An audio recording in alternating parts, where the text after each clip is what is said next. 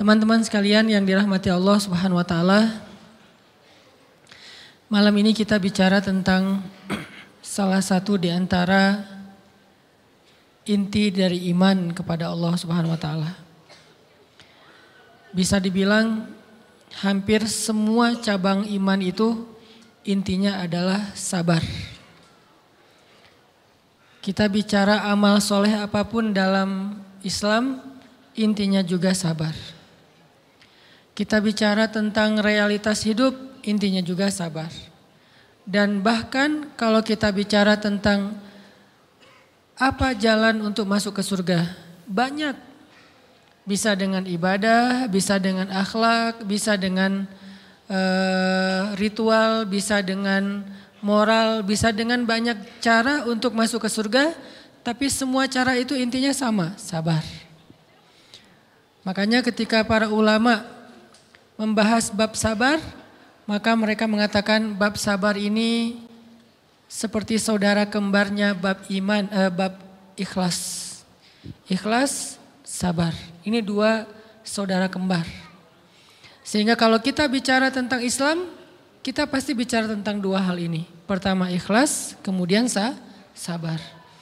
Ikhlas dan sabar ini nanti menjadi modal kita untuk istiqomah sampai akhir hayat kita.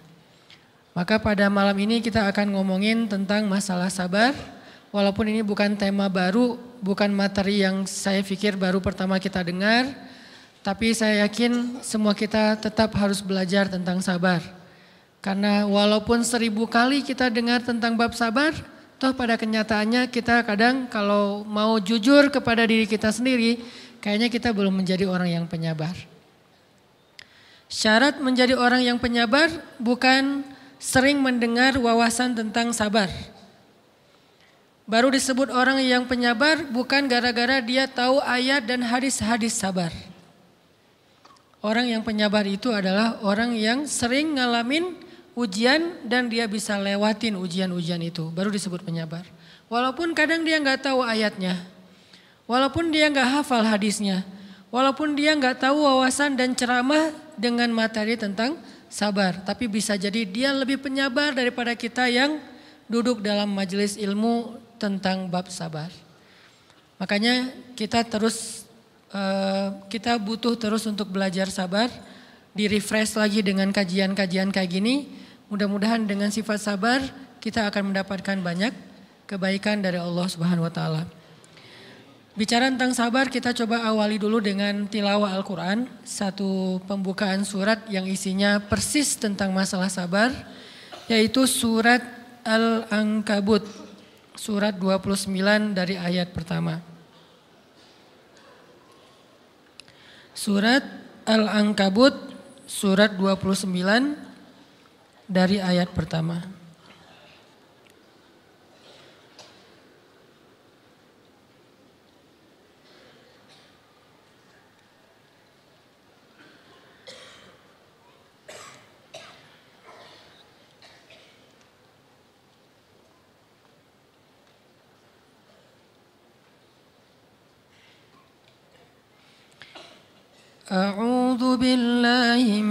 الشيطان الرجيم. Silakan.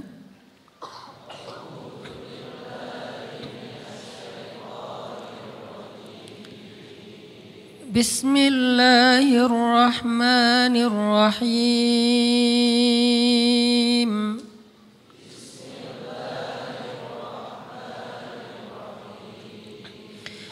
ألف لام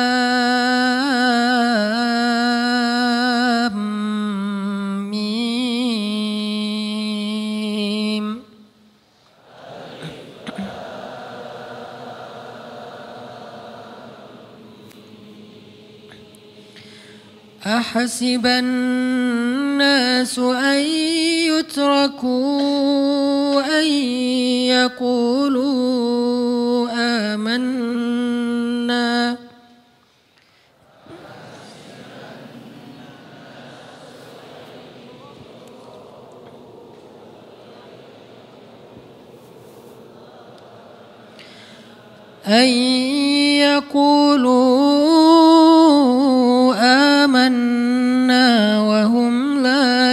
يفتنون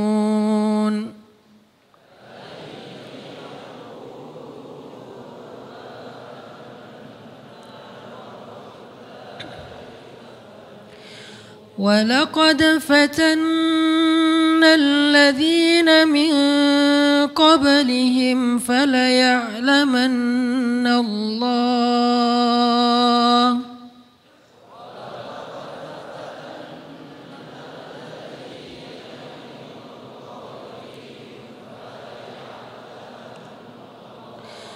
فليعلمن الله الذين صدقوا وليعلمن الكاذبين.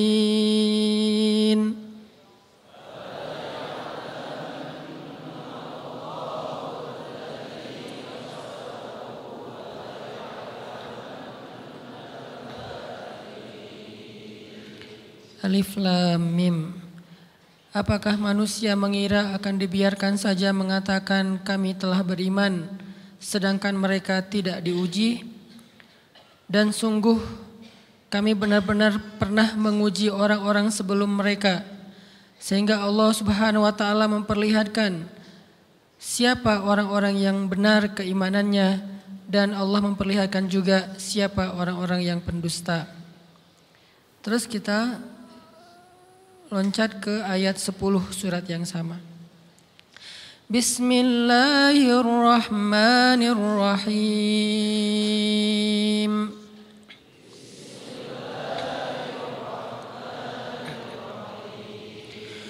ومن الناس من يقول آمنا بالله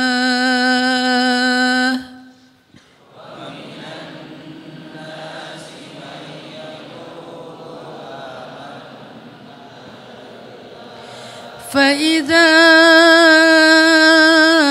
أوذي في الله جعل فتنة الناس كعذاب الله.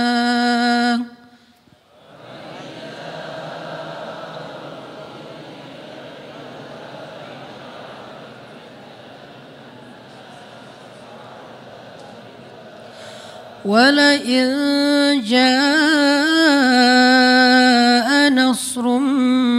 من ربك ليقولن إنا كنا معكم.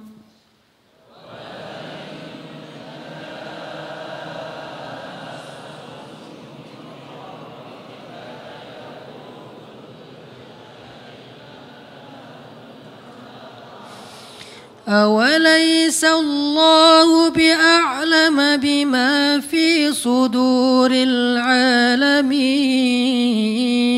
العالمين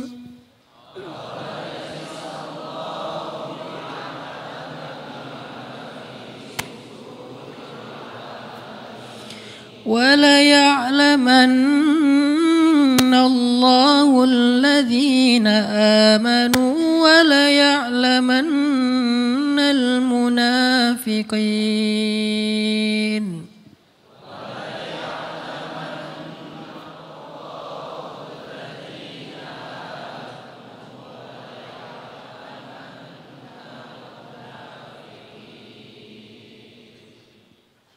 Dan di antara manusia ada orang yang berkata, kami beriman kepada Allah. Namun apabila ia diuji di sisi Allah, ia menganggap ujian manusia itu sebagai azab dari Allah. Dan sungguh jika datang pertolongan dari Tuhanmu, mereka pasti akan berkata, sesungguhnya kami ikut bersama kalian. Bukankah Allah lebih mengetahui apa yang ada di dalam dada setiap manusia?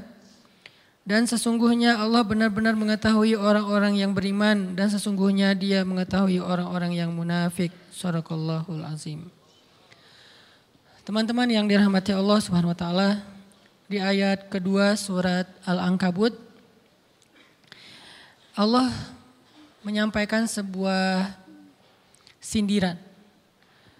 Allah nyindir dengan bahasa emangnya manusia fikir Allah akan biarin aja mereka mengatakan kami telah beriman. Sementara mereka tidak diuji. Ini Allah lagi menyindir orang-orang yang selama ini berputus asa setelah beriman. Berputus asa setelah berhijrah. berputus asa dan mengeluh setelah bertaubat. Allah lagi nyindir mereka nih.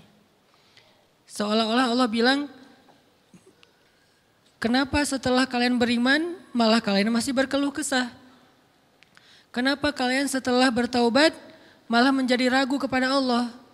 Kenapa kalian setelah berhijrah malah jadi labil?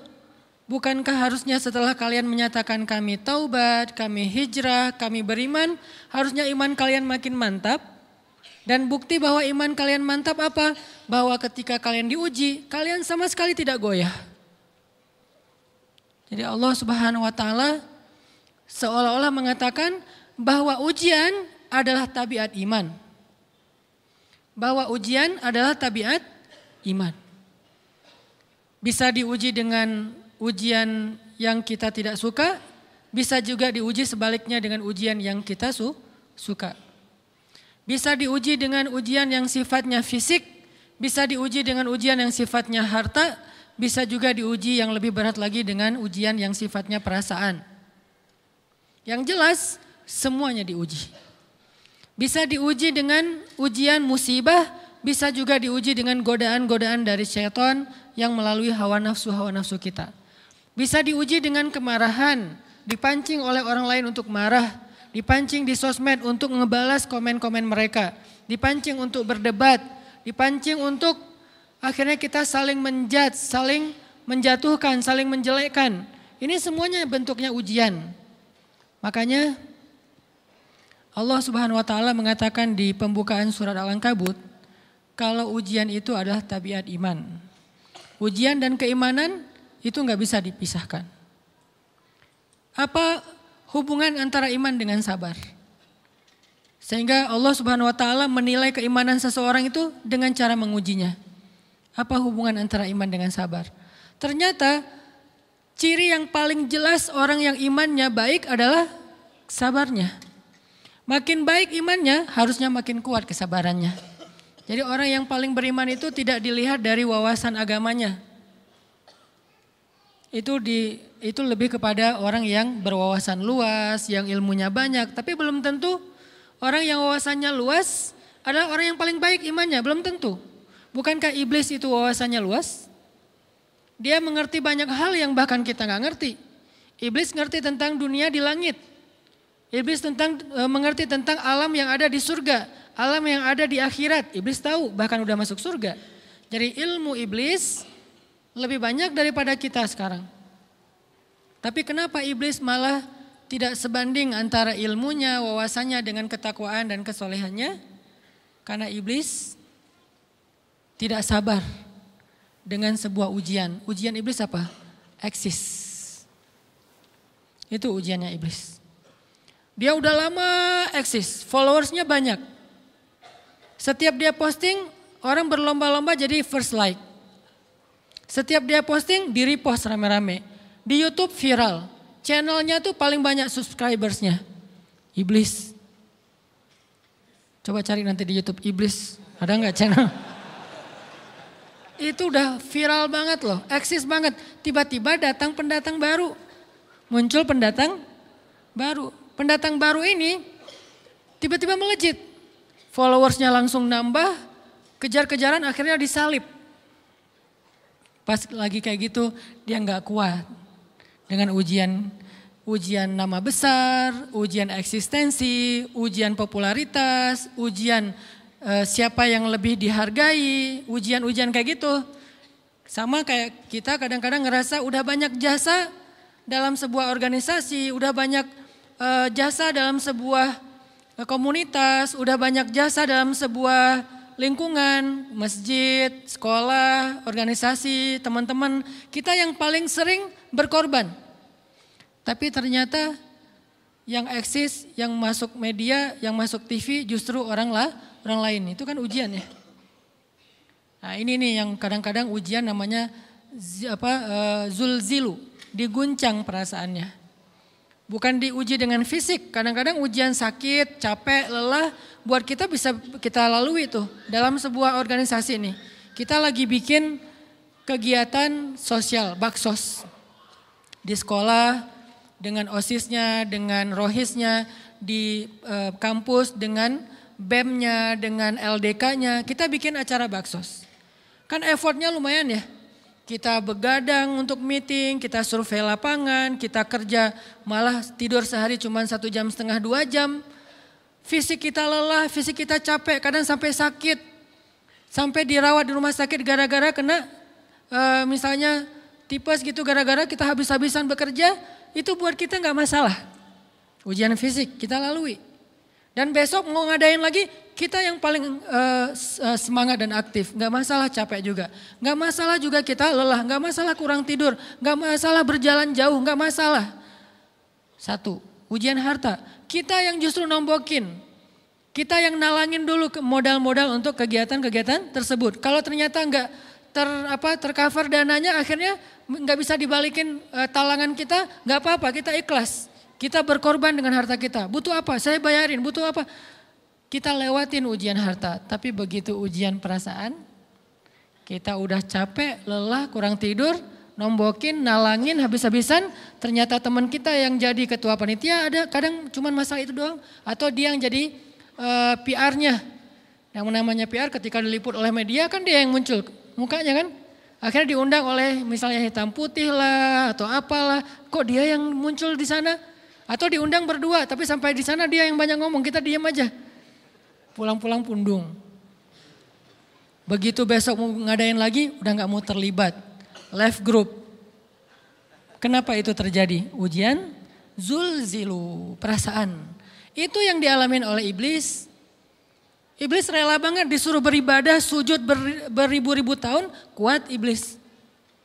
Kalau kita mungkin jidatnya hitam, kalau iblis mungkin udah kepala-kepalanya hitam, saking rajinnya su, sujud. Wah ibadahnya udah ribuan tahun. Iblis disuruh berkorban dengan harta yang dia miliki, dia kasih aja semuanya. Tapi kalau disuruh dia ngalah dari Adam untuk memimpin alamin menjadi khalifatullahi fil art, menjadi pemimpin wakilnya Allah di muka bumi, buat iblis ini berat. Kenapa dia? Anak khairum min, saya lebih baik daripada dia. Saya lebih senior daripada dia. Saya lebih sehat daripada dia. Saya lebih keren daripada dia. Saya lebih, saya lebih, saya lebih. Ujian emosional, ujian ego, ujian perasaan. Itu yang lebih berat buat kita. Kadang sakit dan apa dirugiin orang lain, teman segala macam kita masih oke okay lah. Selama ini asal kita ngumpul selalu gua yang bayarin, oke okay deh nggak usah dibahas. Baru dibahas nanti pas sakit hati. Kalau belum sakit hati kan gak dibahas kan? Gak apa-apa deh kita terus yang bayarin, kita traktirin ngopi apa segala macam. Gak pernah dibahas. Keber, kebersit sih di benak kita, cuman gak mau dibahas. Kenapa? Udahlah biarin aja easy going. Kemudian kayak kita yang capek harus rempong sana kemari segala macam. Selalu acaranya di rumah kita, akhirnya kita yang bayarin, kita yang rempong, nyiapin-nyiapin segala macam, bebersih sendiri. Tapi begitu ada yang nyakitin perasaan kita sedikit aja, semua itu balik lagi dulu dari dulu ya. Nah, keluar kan? Kenapa? Dipancing oleh ujian perasaan. Jadi ternyata yang paling berat itu adalah zulzilu, diguncang perasaannya. Kita kadang-kadang habis-habisan buat seseorang, nggak masalah. Hujan-hujanan dia yang pakai jas hujan, kita nggak pakai apa-apa, nggak apa-apa. Sakit-sakitan juga, dikerok dan segala macam, biarin aja. Kalau perlu misalnya kalau bannya lagi kempes, dia naik grab, kita apa dorong-dorong motor terus cari tempat segala macam sampai tengah malam. Nggak apa-apa deh buat dia. Apa sih yang buat nggak yang nggak buat kamu? Begitu dia selingkuh, keluar semuanya. Mulai list apa report keuangan. Wah dulu sekian sampai uang receh-receh juga dihitung kan ya. Kenapa bisa kayak gitu? Perasaan kan? Nah ini nih yang kita coba belajar. Mungkin malam ini kita lebih banyak membahas tentang sabar terhadap ujian perasaan. Karena banyak macam-macam ujian. Nah, gimana kita memanage perasaan kita? Gimana cara kita me merecovery perasaan kita dengan bab sabar? Insya Allah nanti akan kita uh, lanjutkan setelah selesai sholat isya. Barakallah.